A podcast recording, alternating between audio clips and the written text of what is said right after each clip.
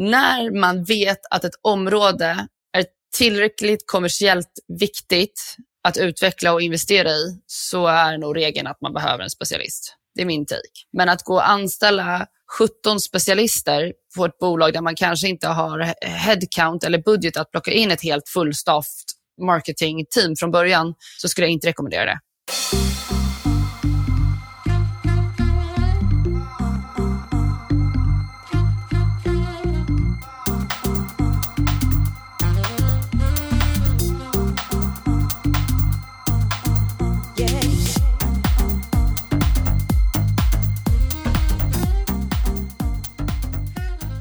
Välkommen tillbaka till Digital marknadsföring med Tony Hammarlund. Det här är en podd där jag intervjuar branschexperter och marknadsförare för att lära mig mer om digital marknadsföring. Mitt mål med podden är att bli en bättre marknadsförare och samtidigt dela med mig av intressanta samtal med några av Sveriges bästa marknadsförare. I det här avsnittet följer jag upp med en intervju om generalist eller specialist med Arash Gilan på Viva Media, men den här gången ur marknadschefens synvinkel och vad det innebär när man bygger marknadsteam och rekryterar. Med mig har jag Mimmi Arndt som är CMO på rekryterings och employer branding-plattformen Team Taylor. En riktig underdog bland Sveriges techbolag som idag finns på över 100 marknader och där hon idag leder ett team på 12 marknadsförare. Hon har arbetat i över 10 år på techbolag såsom Anyfin och iSettle med marknadsföring och tillväxt, både som generalist och specialist. Mimmi har dessutom jobbat på Åkerstam Holst, en av Sveriges ledande kreativa byråer, för att lära sig om den världen och hur man bygger starka varumärken. Mimmi och jag pratar i avsnittet om hur hon ser på generalister och specialister, skillnaden på dessa och var gränsen går i praktiken. Men också hur hon anser att man bör tänka kring det här när man bygger marknadsteam. Hon ger bland annat sin syn på vad det är som avgör när man behöver mer generalister eller specialister i ett marknadsteam och levererar riktigt bra insikter kring det.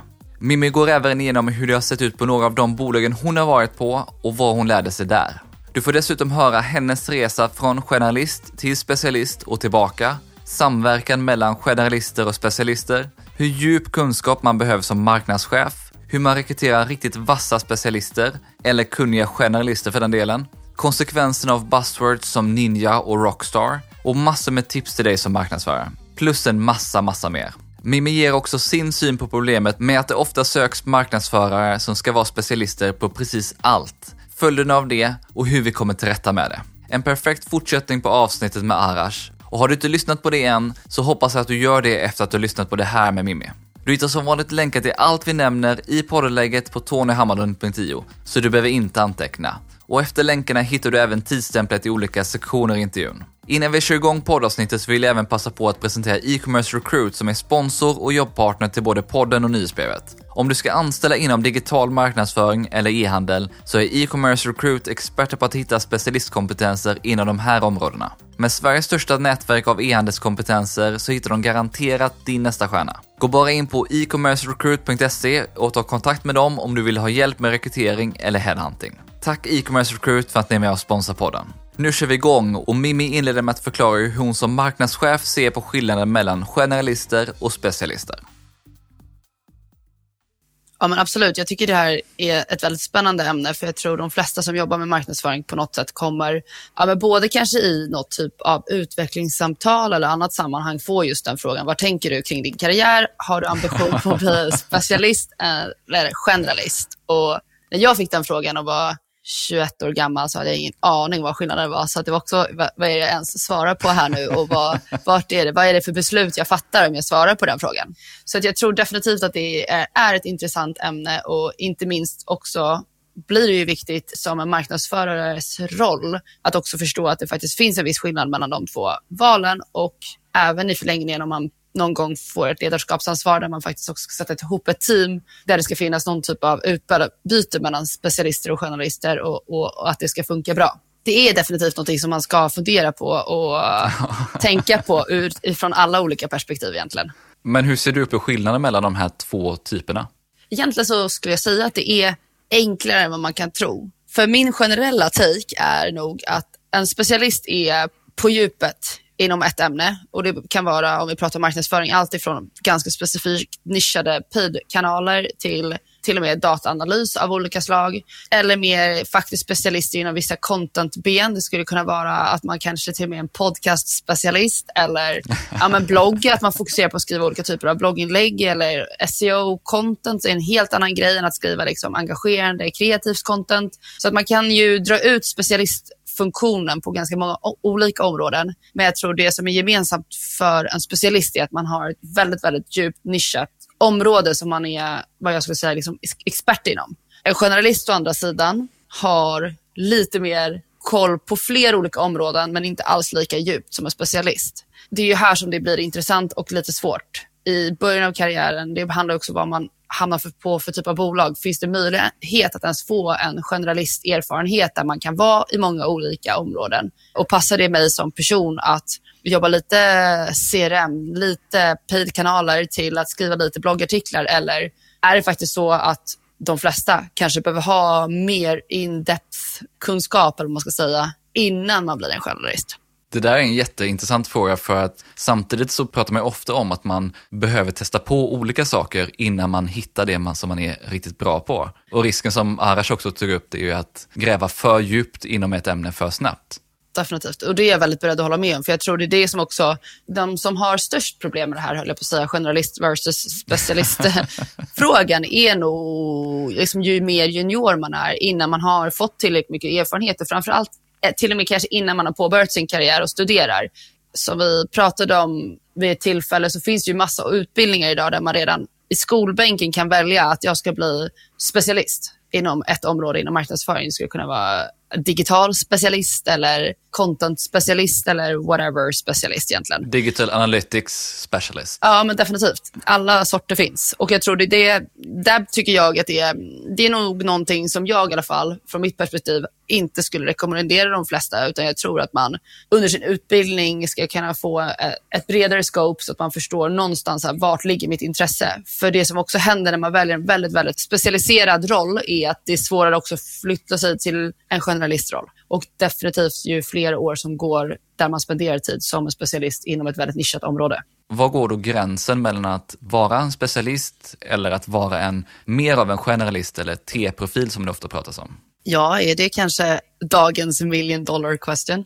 Jag tror att det, alltså givetvis är det väldigt svårt att svara på, för det finns ju liksom det finns ju inte någon sån poängskala där man är så här, okej okay, nu har jag tappat in i bla bla bla, så det betyder att jag är en specialist eller vice versa, nu är jag en generalist. Det handlar väl också mycket om en känsla. Skulle jag identifiera mig själv som en expert inom det här området, där jag skulle kunna ta hela det här området på det här bolaget från ax till limpa, till exempel om jag säger då att jag är en SEO-specialist, kan jag verkligen göra allt som krävs från att sköta allting, till att optimera allting, till att analysera allting och sen liksom förstå hur, hur det ska omsättas i en strategi och bla, bla, bla, bla. Det är det som är, det är den kombinationen som är lite lurig. Hur vet man också när man flyttar sig från att vara en specialist till en generalist? Men jag skulle våga påstå att det kanske handlar om att en generalist tappar in i många, många områden kanske fem eller mer, medan en specialist kanske har en eller tre områden som de har koll på. De är ju förmodligen ganska närliggande. Så till exempel, för att gå tillbaka till det, en paid specialist kan ju vara duktig på fler kanaler och specialist inom flera kanaler, även om det är tre olika kanaler.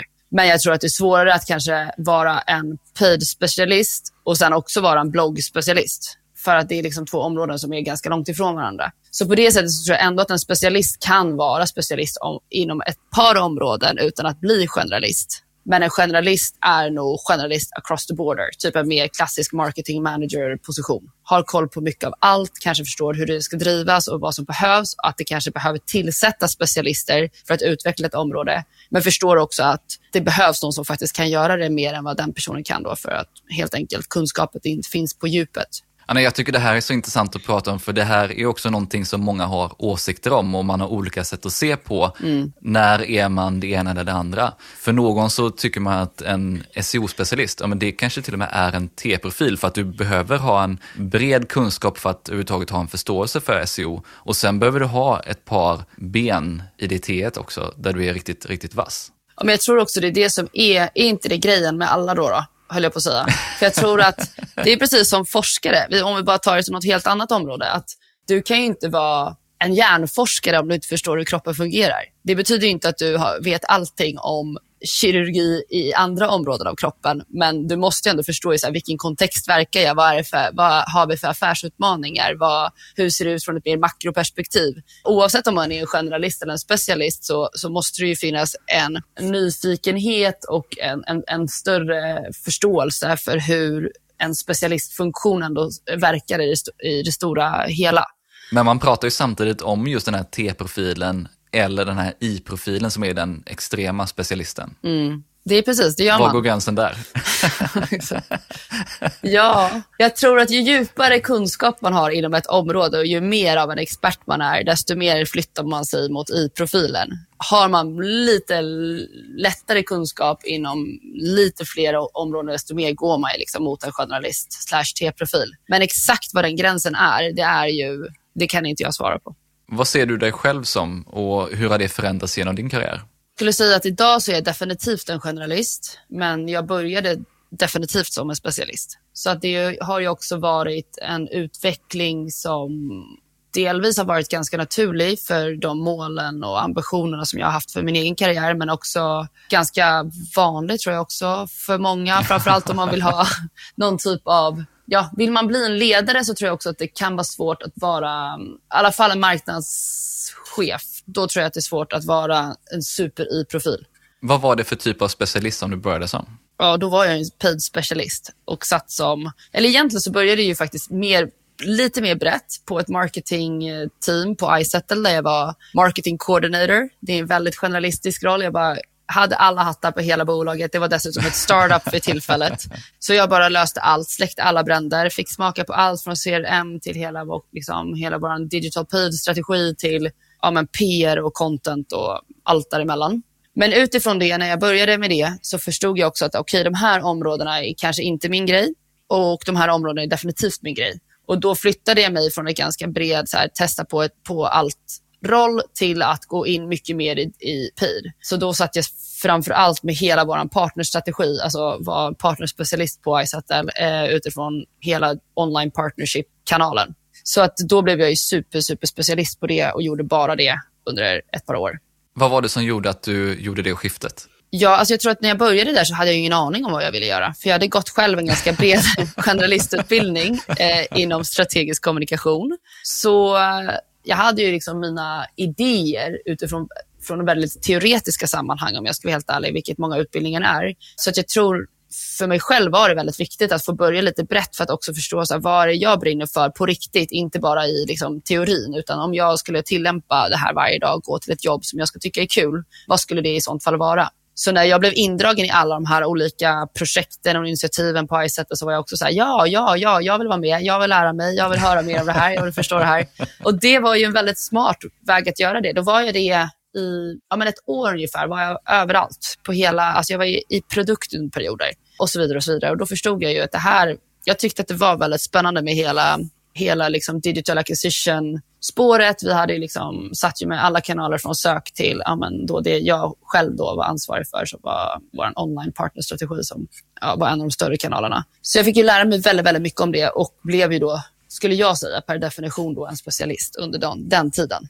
Jag tycker det är jätteintressant att höra, för det här är ju ett av de problemen man som marknadsförare har när man börjar sin karriär. Hur ska jag göra det här? Hur ska jag, mm. Var ska jag ta vägen någonstans? Ska jag börja som specialist? Ska jag börja som journalist i någon koordinatorroll eller liknande? Och hur går jag sen vidare?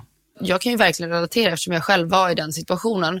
Och Jag tror att det kanske också har att göra med vem man är som person. För att jag har alltid varit ganska outgoing, jag har varit liksom väldigt nyfiken på det mesta och jag har inte riktigt velat, jag har velat, vetat att jag vill jobba med marknadsföring, men exakt vad det betyder visste jag inte när jag hade gått ut ens min, ut, alltså min treåriga utbildning. Så jag tror att man får fundera lite där. Vet man redan från innan då, tidigt i sin karriär att här, jag brinner för data och jag vill bara bli en dataanalytiker och sitta och nörda ner mig i det resten av mitt liv, fine, då kan man göra det. Det finns liksom ingenting som säger att man inte kan det.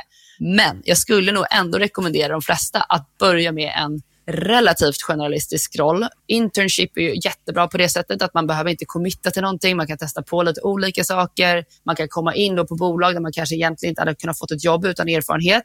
Så det är superbra. Det var så jag började på iSettle och sen övergick det i en fast anställning. Så det tror jag faktiskt är en väldigt smart grej att testa på många olika saker. Jag tror också det är därför många utbildningar idag erbjuder praktik som en del av utbildningen egentligen. Om vi kommer in lite mer på marknadsteam och din roll som marknadschef. Vad anser du är det främsta som avgör när man behöver generalister och när man behöver specialister i ett marknadsteam?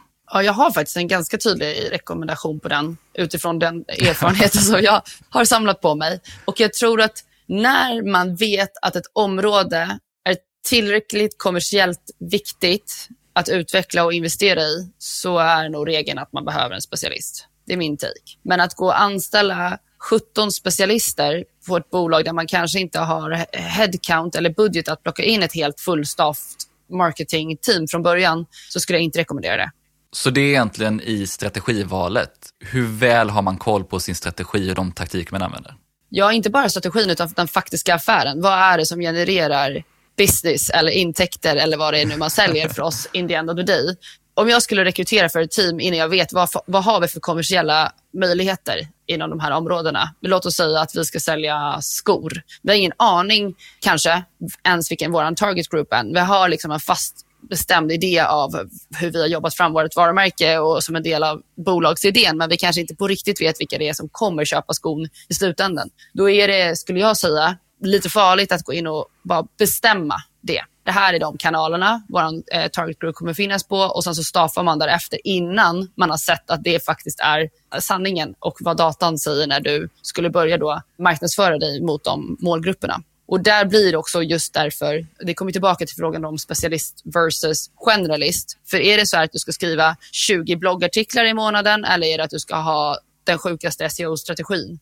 Lite för nära varandra, men du fattar poängen. Eller är det att du behöver liksom någon som sitter och gör supertargeted ads på något väldigt specifikt forum? Det vet jag inte. Men jag tror innan man själv vet det så är det väldigt svårt att veta vilken typ av expertkompetens man behöver och borde investera i. Det jag också, tänker är att om man gör det här för tidigt, gör det valet för tidigt, då är också risken att man bygger väldigt mycket på historik. Vad man har gjort tidigare, vad man har gjort på tidigare bolag där man har varit på. Inte på det här bolaget och det här caset man är på just nu. Nej, exakt. Jag tror det är precis det jag, jag menar. Att jag tror därför, det finns inget heller generellt svar på hur exakt, vad är den perfekta splitten mellan specialister och journalister på, på ett bolag? För jag tror det beror helt på vilken affärsmodell man har, eh, vilket typ av bolag man är, liksom vilken utvecklingsfas är man. Är man precis nyetablerad? Är man enterprise eller någonstans däremellan? Och också som sagt, och jag, det tjatar jag hål i alla hos oss, att så här, vad är det vi ser för möjligheter och inte bara vad vi tror är sanningen, utan den faktiska sanningen. Och det är också som sagt, datan kan, är ju bara ett resultat av det som har hänt. Det är inte, säger ingenting om potentialen som finns. Du har ju varit på lite olika typer av bolag. Du pratar om iSettle, du är på Team Taylor idag, du har tidigare varit på en startup då, Anyfin. Så om du skulle titta på de här olika typerna av storlekar, olika typer av bolag och olika mognadsgrad. Hur sätter man ihop det ultimata marknadsteamet och en riktigt bra mix för de här olika typerna av skeden egentligen?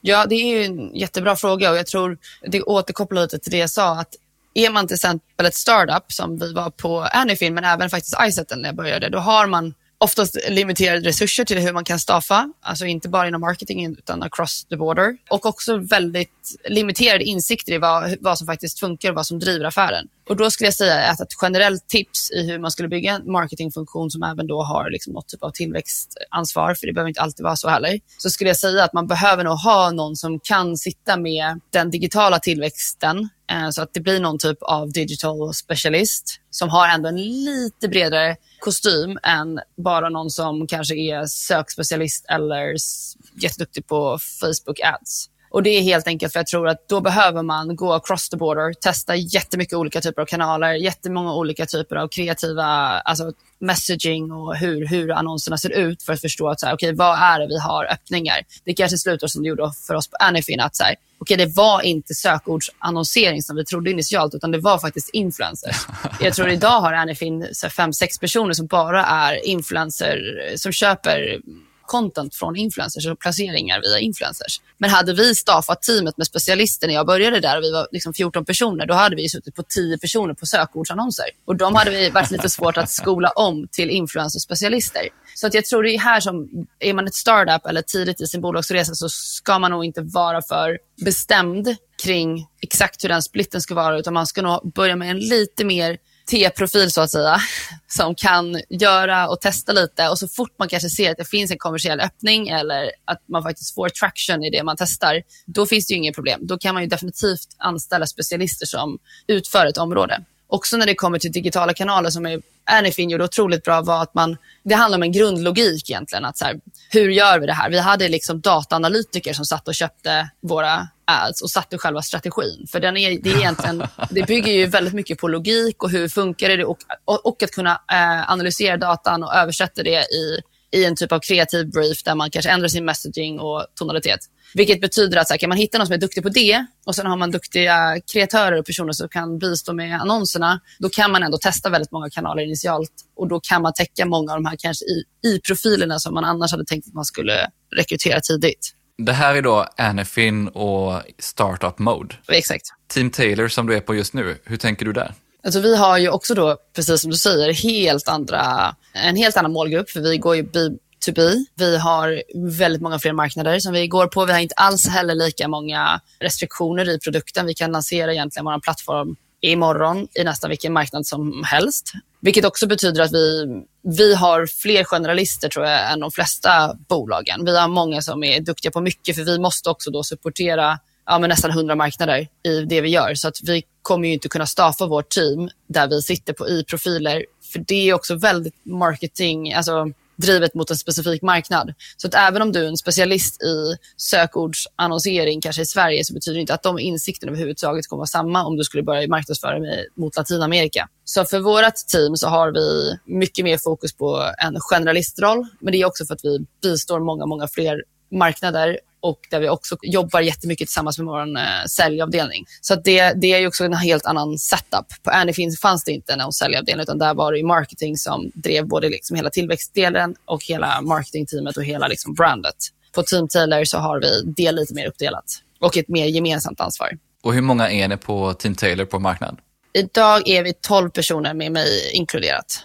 Så ni är 12 personer inhouse. Hur mycket av marknadsarbetet gör ni inhouse och hur mycket köper ni in utifrån?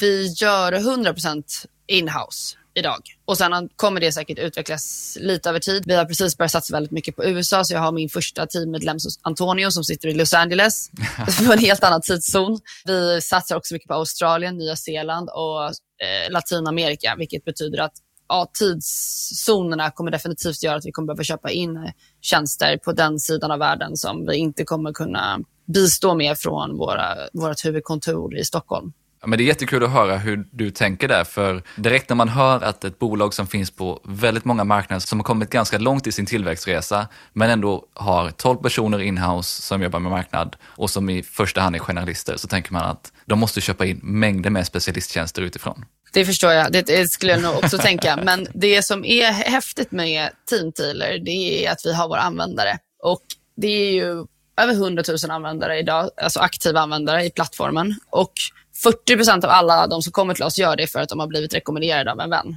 Och Det betyder att mycket av hur vi tänker på marketing är väldigt annorlunda från många eh, andra bolag tänker på det.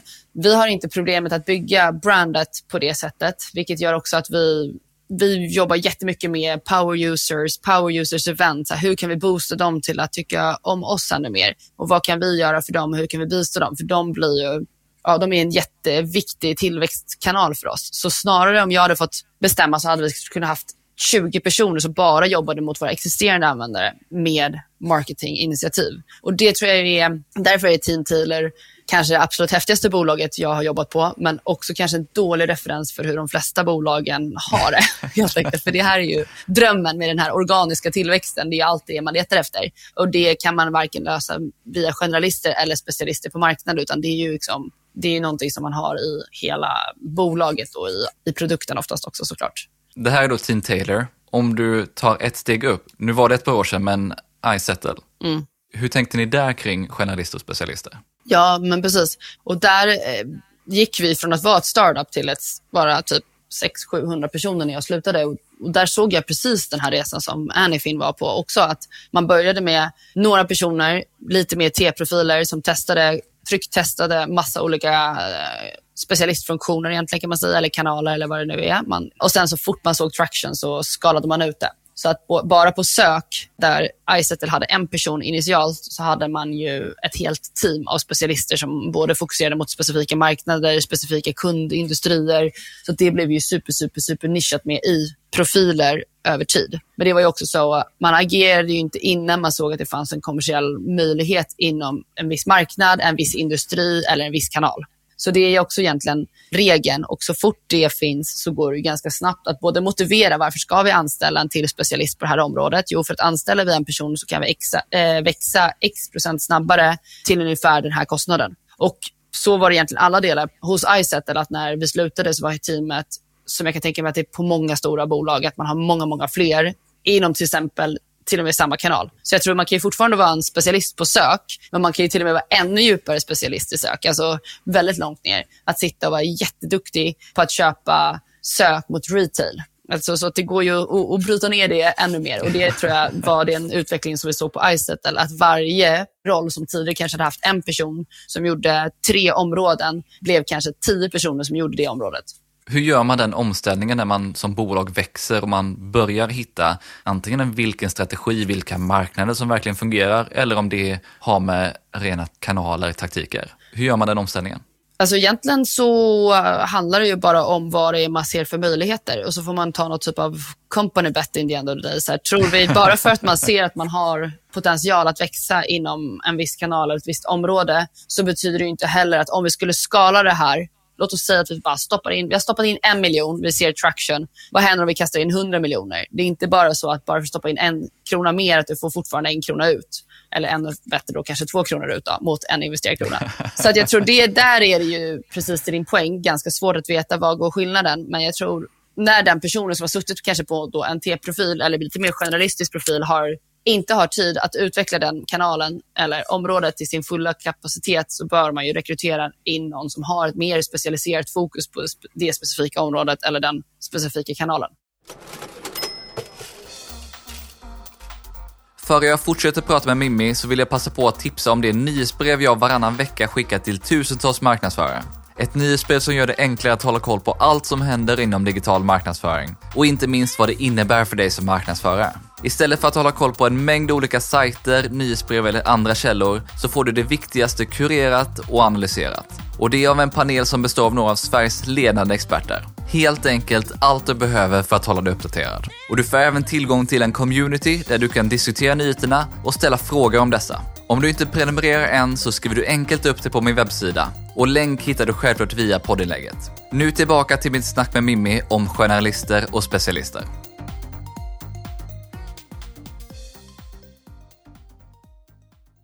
Om man nu har en mix av specialister och journalister in-house, hur ser du på samverkan mellan de här två typerna inom ett marknadsteam?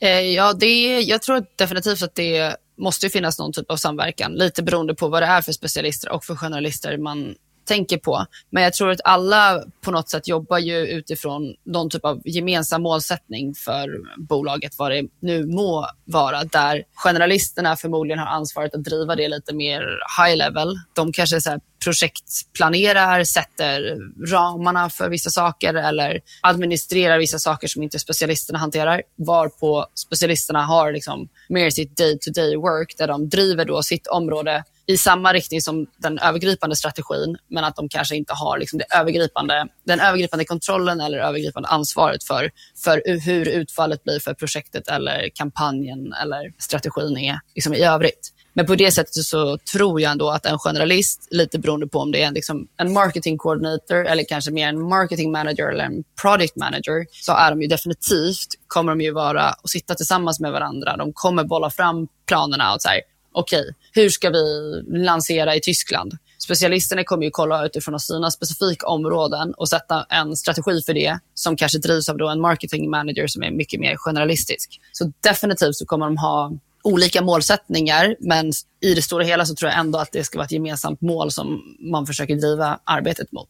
Och hur ser du på din roll som marknadschef i den här typen av team? Jag tänker precis samma sak egentligen. Att det blir ju att förstå helheten, men också kanske från ett ännu bredare perspektiv och ännu liksom högre upp i verksamheten och i affären. okej, vi, vi, vi, visst, vi är marknad och vi har vissa liksom, KPI som är väldigt marknadsspecifika. Men om vi skulle titta på det i ett bredare bolagsstrategiskt perspektiv, hur rimmar det med det och hur får vi liksom hela marknadsfunktionen, oavsett om det är generalister eller specialister, att gå i samma riktning som, som det vi har identifierat som möjligheter för resten av bolaget. Så att jag tror att marknadschef blir liksom bryggan mellan den övergripande bolagsstrategin och hur liksom marketing hjälper till att driva den utvecklingen åt det hållet. Hur mycket insikt i de specialistkunskaper som marknadsteamet har behöver man som marknadschef ha, tycker du?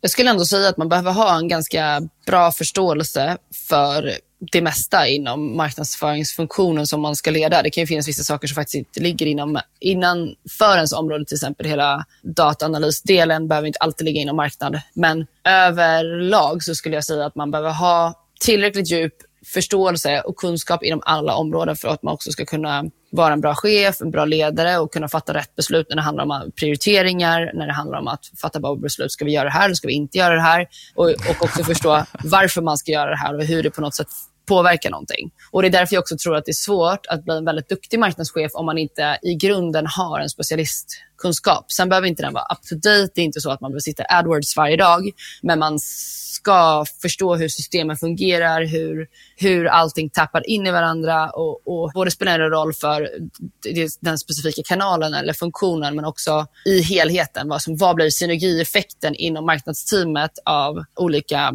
ja, funktioner, kanaler och så vidare. och så vidare. Och Det tror jag är svårt att ha om man inte har en specialistbakgrund på något sätt åtminstone. Ja, det var det jag tänkte på. Behöver det här vara inom flera områden av de taktiker eller strategier som man använder? Eller räcker det att man faktiskt har gått djupt inom något?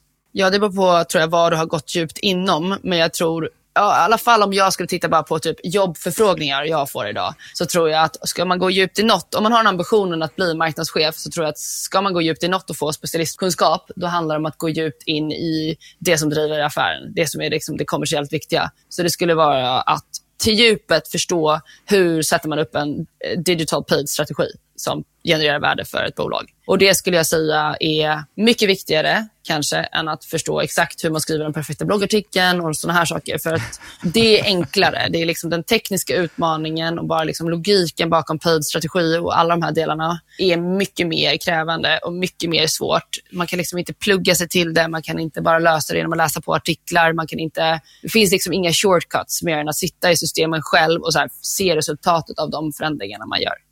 Om vi byter lite spår, så en annan viktig del i din roll som marknadschef är ju rekrytering och hur man faktiskt bygger marknadsteamet. Mm. Och någonting som ofta kommer upp inom rekrytering och marknadsförare, det är ju just hur kommer vi till rätta med det här problemet med att det söks marknadsförare som ska vara specialister på precis allt. Mm, ja, det är också extra komiskt nu när jag jobbar på Teamtealer och, och sitter med de här frågorna hela dagarna. Alltså hur, hur skapar man den perfekta ja, jobbannonsen och vad betyder det? Liksom, vad, hur påverkar det vilken typ av ansökning man får? Och Jag tror framförallt inom marknadsföring är min förståelse att det här händer i väldigt, väldigt stor utsträckning på ett sätt som bara straffar den som försöker rekrytera. För kommer man som en kompetent marknadsförare, oavsett i vilket område, och ser en artikel där man ska ha både någon som typ kan JavaScript till AdWords-annonsering till ja, men SEO och också skriva liksom, kreativa LinkedIn-posts eh, och hantera third party suppliers, typ som kreativ agency och så vidare. Då kommer man få red flags och känna att så här, det här de här har ingen aning vad de letar efter. De har ingen aning vilken roll de försöker hitta. De har ingen aning vilken kompetens och hur skulle det i sånt fall kunna vara en arbetsplats som på något sätt kommer kunna Ja, men ett, där jag kommer kunna göra ett bra jobb och där två, där de kommer faktiskt kunna tycka att jag gör ett bra jobb. Så att jag tror, nummer ett, så måste vi alla som jobbar på något sätt med marknadsföring bara ta ett stort steg tillbaka och inte acceptera den typen av jobbannonser. Och får man den typen av jobbannons så ska man, tycker jag, nästan kontakta det bolaget och säga så här, hörni, det här går inte. Man kan inte söka den här typen av funktion för, eller roll för att den personen finns helt enkelt inte. Och jag tror det här blir man ju duktigare att förstå ju mer kompetent och liksom, ju mer erfarenhet man får. Men är man då till exempel en ung marknadsförare som kanske har jobbat två år och ska sitta i sådana processer där man kanske inte har samma möjlighet att säga, okay, jag väljer mina jobb eller jag får till och med jobbförfrågningar och där jag bara kan du vet, hitta på vad jag vill göra. Då blir det ju väldigt jobbigt och man blir, det skadar liksom självförtroende hos unga marknadsförare att man är så här, okej okay, men shit, jag kan inte det här med JavaScript, ska jag sätta mig och läsa det nu på kvällarna också? Det kan ju liksom kännas svårt nog att bara så få ihop tre års erfarenhet, för det skriver ju också de flesta i sina annonser. Man vill inte ha någon helt nyexad. Gärna att man ska ha ett par års erfarenhet inom varje område av det som de har sökt. För det första så tror man att ja, det är inte en marknadsförare ni behöver här, det är ju fem specialister ni söker. Ja. För man ska ju vara jättebra på allting också, ha ett par års erfarenhet inom varje. Ja, exakt. Jag tror det är där som man också går fel. Och det kan jag också relaterar så mycket till på, både på Anyfin och på iSetter som var väldigt entreprenöriellt drivna bolag där det handlar kanske inte så mycket om den kompetensen du söker, utan du, du söker, söker mer efter en person, ett mindset där det är någon som är så här, jag kommer in och är nyfiken, jag vill lära mig, jag kanske inte kan det här, men jag tänker göra allt jag kan för att lära mig allt jag kan om det här. Och Jag tror det är där man liksom börjar blanda ihop äpplen och päron. Utan då, då, då, skriver man ner det istället för att säga we don't know what works. Men vi letar efter någon som skulle vilja tänka, eller som skulle kunna tänka sig att testa alla de här sakerna och försöka förstå om det här kan vara någonting för oss. Att man istället för att säga vi vet att vi behöver alla de här åtta kompetenserna i den här profilen, så tror jag att både bolaget och kandidaterna skulle få ut så mycket mer om att, att liksom vara lite ärligare mot sig själva från början. För är man ett bolag som lägger upp en sån roll så är det väldigt tydligt för en duktig marknadsförare att de inte har någon aning vad de håller på med, om man ska vara helt krass. Jag har väl två saker. Dels är ju det här vad som är must-haves. Vad är det man faktiskt söker? Och vad är det som är nice to haves? Och de smyger sig ofta in i de här annonserna som minst lika viktiga punkter, mm. trots att det förmodligen inte är det.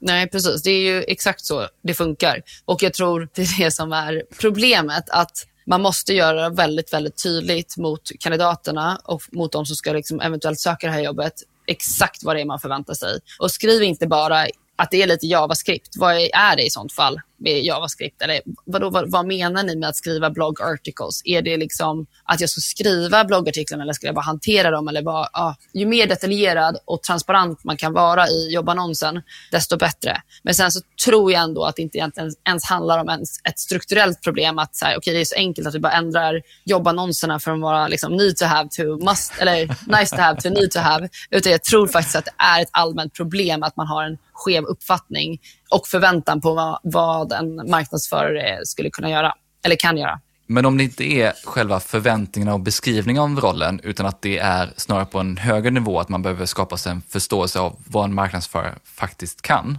Hur kommer vi till rätta med det? Jag tror att det delvis handlar om att vi pratar mer om det, att vi har, pratar om det i den här podcasten så vi faktiskt kan utbilda alla de som jobbar med rekrytering. Och jag tror att det också faktiskt handlar om det, vilket var en av de största insikterna jag fick när jag började på Team Taylor. Att jag har också jobbat jättemycket med rekrytering i mina dagar, men jag har inte alls haft rätt verktyg med mig in i hur man skriver en bra arbetsannons. Så här, hur gör man det egentligen? Och, och innan man som bolag sätter ett gäng liksom, recruiting managers eller rekryterare på att rekrytera så, här, så tror jag att man behöver utbildas lite och förstå i att till och med vissa ord i en annons attraherar mer män än kvinnor. Alltså, det här har vi, hur, vi på Teamteller hur mycket som helst forskning kring. Jag tror bara det att ja, det finns helt enkelt ett kunskapsgap här där folk som rekryterar inom marknadsföring kanske inte har rätt förutsättningar eller rätt verktyg för att veta exakt hur det ska gå till. Så det handlar liksom delvis om att utbilda inom hela det området, men också att att se till att de som, om man nu är till exempel ett HR-team eller, eller till exempel jag som marknadschef som ber någon i mitt team att rekrytera,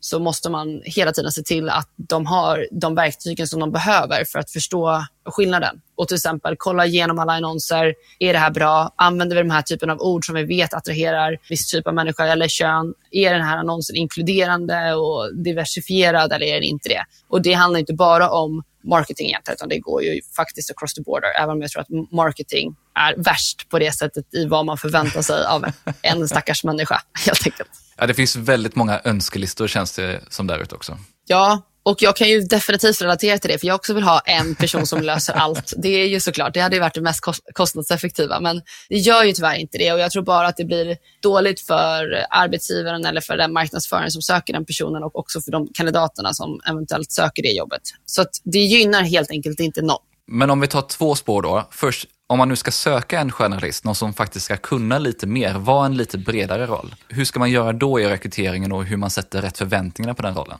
Ja, alltså en bra, ett bra tips är att titta på exakt vad behoven är för första från bolaget. Är det faktiskt, om du är ärlig mot dig själv, är det en generalistroll du letar efter? Eller är det egentligen så att du, om du är helt ärlig mot dig själv, skulle ta in tre specialister? Och Jag tror där måste man börja. Man måste göra en liten due diligence på sin, på sin egen liksom, behovsanalys och, och verkligen försöka syna sig själv i sömmarna. Försöker bara squeeza ihop fyra personer en här nu. Och om det är så i fallet så får man nog ta ett steg tillbaka och fundera om. Är det så att det är bättre då att vi kanske går med en specialistroll och vi renodlar rollen lite eller kanske gör att man letar lite mer efter en T-profil och är lite tydligare med det. Alltså faktiskt kanske till och med ibland säga att vi vet inte exakt riktigt vad vi letar efter, men ungefär det här har vi tänkt att den här personen ska jobba med. Att man inte ska underskatta att vara transparent för att det uppskattar kandidaterna och de som kommer söka jobbet. De kommer lättare också kunna förstå vad förväntningarna är på dem och då kommer också mängden ansökningar som du som marknadsförare eller rekryterare då kommer få öka.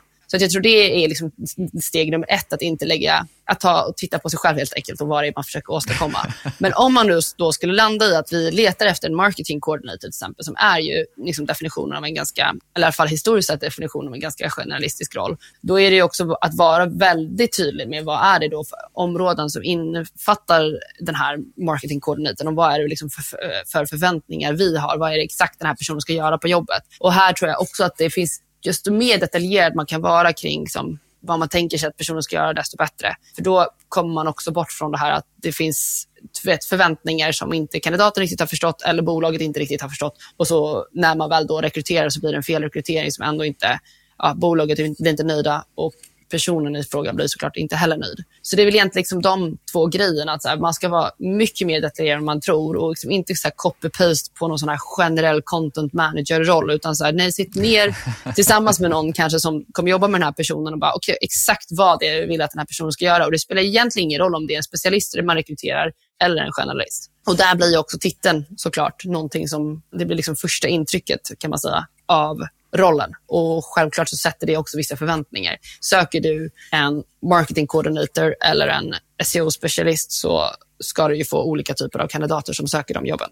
Jo, men att göra på det här sättet, det gör ju att man får bättre sökanden, för det är generalister som, som faktiskt förstår att det här är en riktig generalistroll. Det här är inte bara att företaget har försökt täcka alla sina baser.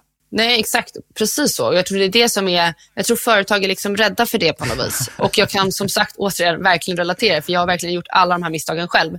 Men det enda som händer är att man får fel ansökningar. Och Då är det mycket bättre att rekrytera en rätt person och vänta med de tre andra då, om det skulle landa i att det är faktiskt tre specialister vi behöver, än att försöka squeeza in alla i en. För den personen, ett, kommer inte kunna leverera mot företagets förväntningar eller mot dina förväntningar som rekryterande chef och inte heller möta sina egna förväntningar. För den personen kommer inte heller då kunna känna att den gör ett bra jobb, vilket bara blir dåligt på alla plan. Och rekryteringsprocessen blir ju dessutom extremt jobbig om man inte ens har riktigt koll själv på vad det är man söker. Att man försöker gå på kunskaper och erfarenhet men att det blir på något sätt ändå en magkänsla som man tar beslut på sen ändå. Precis, det blir helt hopplöst och det kommer bli dålig... om det är någonting vi pratar mycket om så är det liksom kandidatupplevelsen och det är ju en av de viktigaste delarna i det här och den kommer också bli väldigt, väldigt dålig. För hur ska du som intervjuare kunna ställa rätt frågor och veta att du får rätt svar och vice versa. Det kommer ju vara hajkon tajkon. Men om man nu har gjort sin hemläxa där innan och man säger det är faktiskt en specialist som vi ska ha i den här rollen. Mm. Hur rekryterar man riktigt duktiga specialister? Ja, det, det är väldigt svårt, skulle jag faktiskt börja med att säga. För att jag tror också det är här som det är, varför det här ämnet överlag är väldigt intressant. För det är här som vi pratar om. Okej, det, vi har massa personer som kommer ha gått en digital paid specialistutbildning i någon sån yrkeshögskola. Och definitivt tycker jag att så här, det här är ju vad jag har gjort. Medan det som du som bolag söker är efter någon som har väldigt liksom, detaljerad, kanske praktisk erfarenhet av att sitta i de här verktygen hela dagarna. Så att det är ju definitivt på ett sätt kanske svårare att söka efter specialister och, ju, och framför allt ju mer erfaren specialist man vill ha, desto svårare. För jag tror också att framför allt inom marknadsföring så tror jag att det är många som har mer en T-profil eh, än en i-profil just för att majoriteten är åtminstone inte en specialist i 25 år utan någonstans så kanske man känner ett behov av att säga, okay, men nu kan jag allt om YouTube ads, tack och lov. nu orkar jag inte med det här mer. Och då kanske man eh, ja, men, eh, blir chef och testar på det och driver hela liksom, YouTube-teamet eller gör någonting annat. Så det betyder att väldigt kompetenta specialister är mycket svårare att rekrytera än journalister från bara baserat på min egen erfarenhet. Så att jag tror man ska absolut ha en väldigt bra jobbannons, ha väldigt bra plattformar som man annonserar sin roll på. Man ska använda sina nätverk för att få liksom recommend a friend-kontexten och referenser på ja, rekommendationer och referenser på de personer man letar efter. Men också vara beredd på att det kommer ta tid, för att jag tror det är ju också svårare. Det är helt enkelt mycket svårare. Men hur skapar man rätt förväntningar och rätt beskrivning av en specialistroll? Det handlar bara om att vara väldigt, väldigt, väldigt tydlig med exakt vad man tänker att den här personen ska göra. Och finns det vissa saker som man faktiskt inte vet, då ska man också säga att man inte vet det. Att, att bara vara 100% mänsklig och transparent kommer också göra att man uppfattas mycket bättre från kandidatens perspektiv. För de, letar, de är också bara människor som söker ett jobb där de vill må bra och ha kul och, och känna sig liksom intellektuellt stimulerade. Och kan man också redan från början etablera den, så här, ja det här är exakt vad vi har tänkt oss, men vi kanske missar massa saker, låt oss i så fall prata om det. För Jag tror också så här, man kan ju då som ja, men kandidat kan man också utmana. Om jag då är en äh, specialist som söker ett jobb på företag X och kommer på en intervju, då kan man också säga det att så här, jag har för, det här och det här och här eh, är det ni söker, men jag tycker det är lite speciellt att ni också vill att, eh, tänka att man ska kunna JavaScript. Kan inte ni berätta hur ni har tänkt där? och då tror jag liksom att man också spelar tillbaka bollen till den här rekryterande chefen att också behöva tänka till. Att så här, okay, har vi verkligen tänkt till här? Är det så det ska göras? Och ju kompetentare roll man söker, desto snabbare skulle man ju potentiellt kunna få sådana frågor i en intervjuprocess också. Ju mer transparens och ärlighet och tydlighet och ju mer detaljerade beskrivningar man kan ha, desto bättre för alla. För då behöver man inte heller som marknadsförare sitta och skämmas att man gjorde en jättedålig arbetsannons och bara, okej, okay, jag vet inte ens hur vi tänkte här. Vi bara ville ha en person som gjorde allt. Och sen är det ju faktiskt det att om man skjuter för brett från början, oavsett om det är en specialistroll eller för en del en generalistroll, man skjuter alldeles för brett som vi var inne på i början, då blir det ju också så att man missar ju många av dem som egentligen var det man sökte och hade många av de sakerna som man faktiskt ville ha. Men de hade inte en hel del av det man råkade skriva med. Nej. Och därför sökte de inte, därför började de inte ens processen. Nej, och det tror jag är precis det som är hela grejen. Att du tappar ju de, de som du verkligen vill rekrytera. Du skjuter dig själv i, i huvudet genom att skriva 70 saker istället för de tre som är kritiska. Och Det är därför jag också, så här, bara för att connecta tillbaka lite tidigare i samtalet, här, att du verkligen förstår själv dina utmaningar och, eller liksom möjligheter, hur man nu väljer att se på det. Det är ju liksom kritiskt, för det är de som ska lösas och att det är de som du ska hitta en person som kan lösa dem. Alltså, sen får man se hur man, hur man klustrar exakt de utmaningarna beroende på vilken roll det blir och så vidare. Men att gå på hela spektrat kommer betyda att du kommer förlora många av de kandidaterna som hade varit den perfekta personen att lösa de här utmaningarna och möjligheterna som du har identifierat. Finns det några andra råd som du har till marknadschefer när man rekryterar marknadsförare? Ja, alltså det sista rådet jag skulle ha, eftersom vi också är inne på det med liksom jobbprocessen och, och, jag själv jobbar med väldigt mycket med de frågorna idag, så skulle jag säga att ett väldigt konkret och supertips som jag själv fick när jag började på Teamteller är att det finns många sådana här buzzwords som har varit väldigt trendiga och coola inom framför allt marknadsföringsgebieten, men även andra områden. Och Det är ord som ninja, superhero, digital ninja, eh, growth hacker, superhero, eh, superstars, rockstars. rockstars, exakt, growth rockstar? Are you our next growth rockstar? Alla den här typen av ord egentligen avskräcker kandidater. För man är så här, vadå, är jag en digital rockstjärna?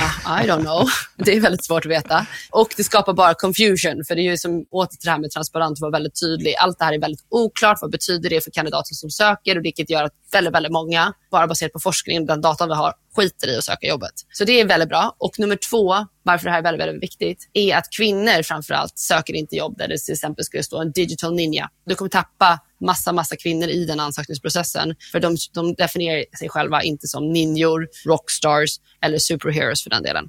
Generellt jättebra tips som man kan börja göra imorgon eller redan idag är att bara skippa allt det här. Gå igenom alla jobbannonser som man har ute eller kommer skriva och bara ta bort den typen av liksom buzzwords. Utan okej, okay, vad betyder det för er att man är en digital rockstar? Det kanske betyder att man vågar tänka utanför ramen eller att man gör någonting annat. Alltså det är bara ett sätt att på något sätt kommunicera någonting och då är det mycket bättre att försöka kommunicera det man du vet, stoppar ett buzzword helt enkelt. Ja, det finns väldigt många guru-liknande roller där man, som du säger, man skulle faktiskt bara kunna beskriva vad, vad innebär det att vara en guru eller ninja? Ja, men exakt. Jag tror det, då blir det mycket trevligare process för alla och tydligare.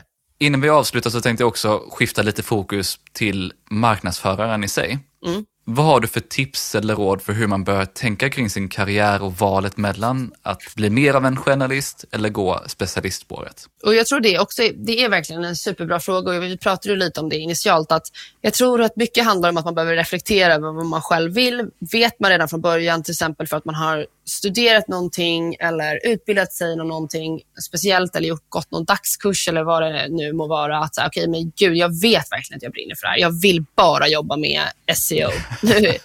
det finns ju jättemånga som känner så och då är det ju mycket tydligare. Då kan man verkligen försöka komma in på kanske ett internship eller någon lite mer juniorroll inom det området på något bolag som man tycker känns spännande. Och Sen så kan man ju bara köra på med det speciella området som man har bestämt sig för att man är intresserad för och tror att man är intresserad för. Men annars tror jag att ett generellt råd som jag har är ju verkligen att baserat utifrån min erfarenhet att många vet inte det här. Det är liksom väldigt få som vet det, exakt vad de vill. Framför allt så här, saker och ting kommer förändras från att man är 20 eller 19 till att man är 35. Så att jag tror att det är viktigt att, att kanske, eller mitt bästa tips skulle ändå vara att faktiskt börja med någon typ av bredare roll där man får testa mycket av allt och kanske vara tydlig mot det, mot det bolaget man kommer till, att man faktiskt vill det. Just för att man inte vet vad man vill och det är det man på något sätt försöker reda ut. Och faktiskt tacka ja till många av de områdena som man kan testa på. Även om det kanske känns så här, nej, det där är inte för mig. Så kommer det finnas massa saker som du kommer plocka upp som kommer gynna dig i de andra områdena. På sikt beroende på vad du vill med din karriär. Vill du bli till exempel en chef, då är det här äh, ganska breda perspektivet jätte, jätteviktigt för att du ska kunna ja, vara bra support till dina teammedlemmar, för att du ska kunna coacha dem, utveckla dem, utmana dem och allt det här. Så att jag tror att det också handlar lite om vad man ser sig själv på sikt. Men med det sagt så tror jag inte heller att om man då har börjat dutta lite i många områden och känner att så här, men gud, det är här jag vill göra då kan man bara snöa in på det i fem år, bli liksom den bästa specialisten på att sälja skor på liksom, sökordsannonser. Gör det då. Och Det är helt fine och man kan ju flytta sig fram och tillbaka och man kan faktiskt gå från att vara specialist till att bli mer generalist, även om det liksom givetvis tar längre tid ju längre du har snöat in på någonting. Men det är ju absolut möjligt. Absolut. Utan det handlar bara om vad man liksom själv brinner för och vad man, vad man tänker lite mer långsiktigt att man vill göra. Ja, men det här är väl det som man ofta pratar om, någon typ av sampling period. Jag läste en jättebra bok om det här som heter Range. Mm. Just om generalister kontra specialister och hur viktigt det är att tidigt i sin karriär, oavsett om det handlar om musik eller om det handlar om karriären i sig eller idrott, så behöver man i de flesta fall just prova väldigt mycket innan man ger sig in i något specifikt spår. För det finns väldigt mycket att hämta från de andra områdena också in i det spåret man faktiskt väljer sen. Nej, precis. Jag tror att det är ju väldigt, väldigt viktigt. Och Det tror jag inte bara är viktigt inom marknadsföring, utan egentligen allt vad man vill göra. Jag tror att det, är liksom, det såg jag redan när jag pluggade på universitetet, att det var jättemånga som gick just typ, kanske ekonomiutbildningen eller bredare utbildningar för att man inte hade någon aning om vad man ville göra. Och man ville, ville inte låsa in sig för tidigt för att man ville kunna testa på allt möjligt sen efter att man hade tagit sin examen. Och Jag tror det är väldigt, väldigt sant också även för oss inom marknadsföring, att det finns så himla mycket saker som kommer att utveckla en och inte bara områden utan även olika arbetsplatser.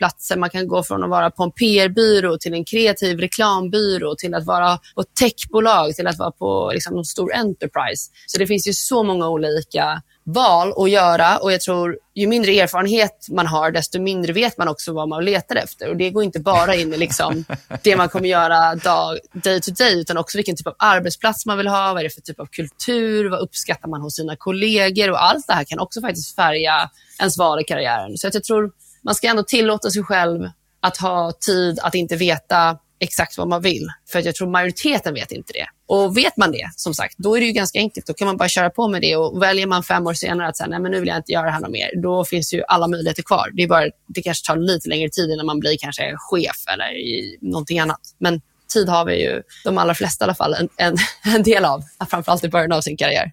Finns det några andra insikter eller lärdomar som du tar med dig från din karriär hittills? Den viktigaste insikten för mig, det är att oavsett vad man väljer att göra, liksom, oavsett om man väljer att vara specialist eller generalist, så tror jag att, så här, att ha en stor nyfikenhet för affären och vad, hur är det, här funkar i ett större perspektiv än utanför marknadsföringsfunktionen. Det är det absolut viktigaste för vilken marknadsförare som helst. Det spelar ingen roll om du är generalist eller specialist. Du måste förstå att så här, hur driver det här affären? Varför är det här viktigt för oss som bolag? Vad är det för liksom större kontext vi verkar i? Inte bara liksom i konkurrens och sådana eh, delar, utan även liksom det makro, makroperspektivet när det kommer till liksom hur mår världsekonomin och alla de här sakerna. Och ju mer du kan förstå i omvärlden omkring dig, inte bara liksom din väldigt nischade funktion, desto duktigare kommer du vara oavsett om du är en generalist eller en specialist. Så att verkligen djupdyka i det och lära känna liksom den produkten du säljer i, inte bara i sin linda, utan i, från hela vägen, axlimpa. Det kommer liksom förändra dig, dina karriärmöjligheter och också göra att ditt jobb blir så himla mycket roligare. Så det skulle verkligen vara mitt här, golden tip, är att absolut sätta sig in i affären till 130 procent. Det där var Mimmi Arndt som är CMO på Team Taylor och hon levererar verkligen många bra insikter för såväl marknadsförare som marknadschefer. Förhoppningsvis har du precis som jag en massa anteckningar och idéer efter avsnittet. Och jag hoppas att du hänger med och hjälps åt att förändra hur vi rekryterar marknadsförare framöver. Tipsa gärna någon du tror kan tycka om det här avsnittet och podden och glöm inte av att prenumerera i din poddapp. Dela också gärna dina tankar i en kommentar, ett inlägg eller ett DM. Du hittar som vanligt länkar till allt vi nämnde i poddenlägget på tonyhammarlund.io. Plus ett antal bra länkar från Mimmi om att vara generalist eller specialist, risken med buzzwords och en intressant rapport om kandidatupplevelse. Har du några frågor eller idéer för framtida avsnitt så är det bara att mejla på tony.hammarlund.io eller skicka ett DM på LinkedIn. Jag vill även passa på att tacka Mikael Lindberg på Better Waves som hjälper till med att producera den här podden och stå för musiken. Vi hörs snart igen med fler intressanta gäster och ämnen.